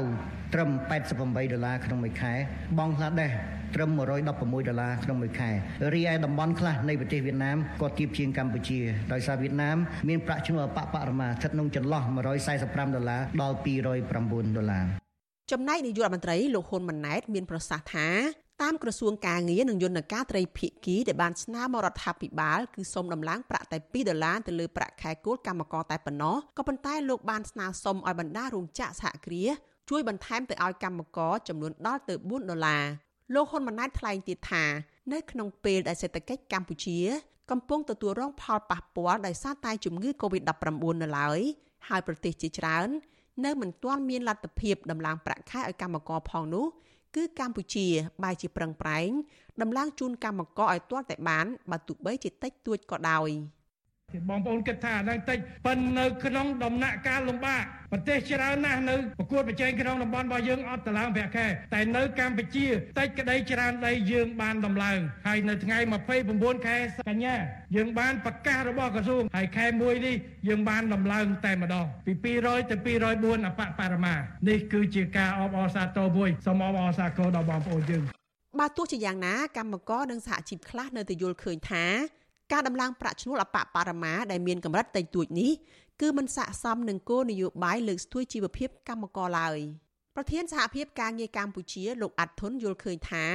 ការដំឡើងប្រាក់ឈ្នួលជូនកម្មករនេះវាមិនមែនជាបន្ទុកចំណាយរបស់ថៃកែដែលជាអ្នកផលិតតែម្នាក់ឯងនោះទេ មានន័យថាគឺអ្នកដែលបញ្ជាទិញក៏បានទូទាត់ថ្លៃសម្ភារៈដែលគិតទាំងថ្លៃប្រាក់ខែកម្មករនិងប្រាក់ដែលទុកឲ្យថៃកែចំណេញរួចជាស្រេចហើយដែរ។ លោកអាត់ធុនបន្តទៀតថាថៅកែរោងចក្រនិងសហគ្រាសនៅកម្ពុជាភាគច្រើនដែលជាជនជាតិចិន បានកេងយកចំណេញច្រើនហួសហេតុទើបពួកគេដំឡើងប្រាក់ខែគោលជូនកម្មករដតិចតួចដែលមិនសមរម្យបែបនេះ។ ខ្ញុំគិតថាវាអត់សមកាលណាឲ្យប្រាក់ឈ្នួលនៅក្នុងកម្រិតទាបដែលมันអាចធានានៅជីវភាពរស់នៅសមរម្យបានទោះថាចុះយុជចំណេញបានចំណេញច្រើនចំណេញតិចវាអត់សំខាន់ព្រោះខ្ញុំបានធ្វើការចាំងច្រើនជាមួយអ្នកបញ្ជាទិញអន្តរជាតិធំធំដែលទិញនៅស្រុកខ្មែរហ្នឹងគឺទុកកម្រិតចំណេញឲ្យហើយអញ្ចឹងការឡើងប្រាក់ឈ្នួលឲ្យកម្មករនេះវាមិនមែនជាការចំណាយរបស់នយោជកអ្នកផលិតតែមួយមុខទេតាមពិតទៅនៅពេលដែលយើងកំណត់ប្រាក់ឈ្នួលសមរម្យគឺអ្នកបញ្ជាទិញគេបង្កើនតម្លៃឬក៏អាចផ្ដល់លទ្ធភាពឲ្យនយោជកនឹងចំណេញបានហើយគឺកម្មករក៏អាចរស់នៅសមរម្យបានដែររបាយការណ៍របស់ក្រសួងការងារនិងបណ្ដុះបណ្ដាលវិជ្ជាជីវៈឲ្យដឹងថារហូតមកដល់ពេលនេះកម្ពុជាមានរោងចក្រសហគ្រាសទាំងអស់ជាង40000ដែលមានកម្មករនិយោជិតសរុបជាង1លាន7សែននាក់កំពុងបម្រើការក្នុងចំណោមរោងចក្រសហគ្រាសទាំងនោះគឺរោងចក្រកាត់ដេររោងចក្រផលិតស្បែកជើង និងរោងចក្រផលិតសម្ភារៈសម្រាប់ធ្វើដំណើរមានជិត1700 ដោយមានកម្មករចំនួនជាង90ម៉ឺននាក់និងទទួលបានប្រាក់ឈ្នួលប្រចាំឆ្នាំជិត3000លានដុល្លារអាមេរិកប្រធានសហភាពការងារកម្ពុជាលោកអាត់ធុនឲ្យដឹងថាតាមរយៈរបាយការណ៍គឺថៅកែរោងចក្រដែលភ ieck ច្រើនជាជនជាតិចិន បានប្រាក់ចំណេញប្រមូលយកទៅប្រទេសរបស់ពួកគេវិញចំនួនប្រហែលពី500ទៅ700លានដុល្លារនៅក្នុងមួយឆ្នាំមួយឆ្នាំលោកអាត់ធុនបញ្ជាក់ទៀតថាបើគិតពីប្រាក់ឈ្នួលដែលថៅកែចិនបើកឲ្យកម្មករវិញនោះ គឺប្រមាណតែ30%នៃប្រាក់ចំណេញតែប៉ុណ្ណោះមានន័យថាការផ្ដល់ប្រាក់ឈ្នួលមកឲ្យកម្មករខុសគ្នាឆ្ងាយពេកពីទឹកប្រាក់ដែលថៅកែរោងចក្របានចំណេញនាងខ្ញុំសុជីវីវិទ្យុអាស៊ីសេរីពីរដ្ឋធានី Washington ចាលោកនាងជាទីមេត្រីការផ្សាយរយៈពេល1ម៉ោងរបស់វិទ្យុអាស៊ីសេរី ជាភាសាខ្មែរនៅពេលនេះចប់តែប៉ុណ្ណេះចាយើងខ្ញុំសូមជូនពរដល់លោកនាង ព្រមទាំងក្រុមគូសាទាំងអស់សូមជួបប្រកបតែនឹងសេចក្តីសុខសេចក្តីចម្រើនកុំបីឃ្លៀងឃ្លាតឡើយចានាងខ្ញុំម៉ៅសុធានីព្រមទាំងក្រុមការងារទាំងអស់នៃវិទ្យុអសីស្រីសូមអរគុណនិងសូមជម្រាបលា